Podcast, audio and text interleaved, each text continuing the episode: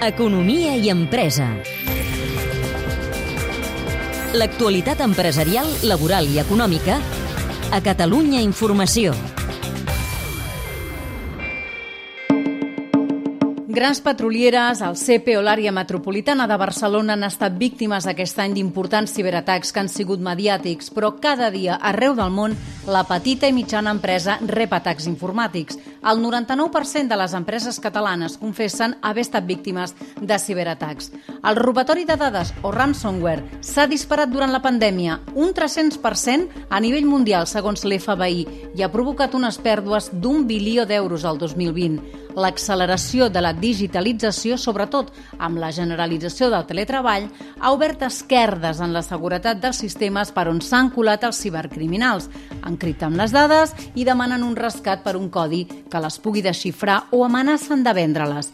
I ens fem aquesta pregunta. Les empreses víctimes d'un segrest de dades han de pagar el rescat per recuperar-les? La resposta dels Mossos, un expert en informàtica i la patronal PIMEC és unànima. Sempre aconsellem de que no s'ha de pagar, això no deixa de ser un xantatge, una extorsió i el que estàs fent és incentivant el món delinqüencial. Sempre que puguem evitar fer un pagament d'aquest tipus eh, seria la primera opció. Si ningú pagués cap rescat d'aquest tipus, no tindria sentit aquest mercat de eh, ciberdelinqüència o segrest informàtic. I a, a sobre eh, guanyen uns guanys grans, eh, immensos, diria jo, és dels negocis que més diners dona a dia d'avui a nivell mundial, doncs no, no ho acabarem mai. No s'ha de pagar els rescats.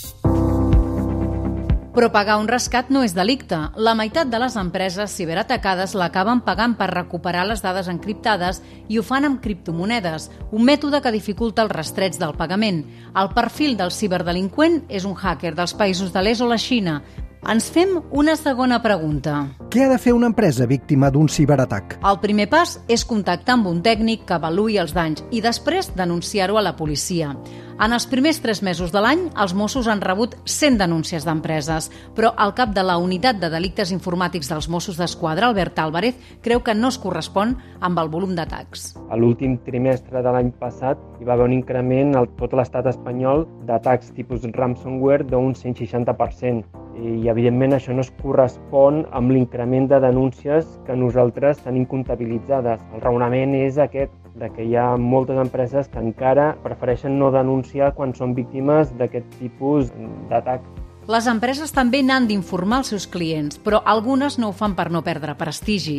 Els cibercriminals no tenen manies, fan atacs a empreses grans i petites de tots els sectors, però dirigeixen atacs massius a les pimes i autònoms és clau enfortir les defenses en l'entorn del teletreball i posar-se en mans de professionals, segons Manolo Estevez, tècnic informàtic especialitzat en ciberseguretat. En la prevenció és on es pot fer que no succeeixi un incendi i que si es produeix un incendi es pugui apagar molt ràpid sense cost. Però si no invertim un mínim, sempre la solució serà molt més cara que la prevenció. Com que no li passa a tothom, la gent continuarà sense invertir. Invertir en prevenció pot evitar pèrdues importants, segons el director de Tecnologia i Innovació d'Apimec, Andreu Bru. Ens ho hem de prendre molt en sèrio, el tema de la ciberseguretat. No totes les empreses s'ho estan prenent en sèrio.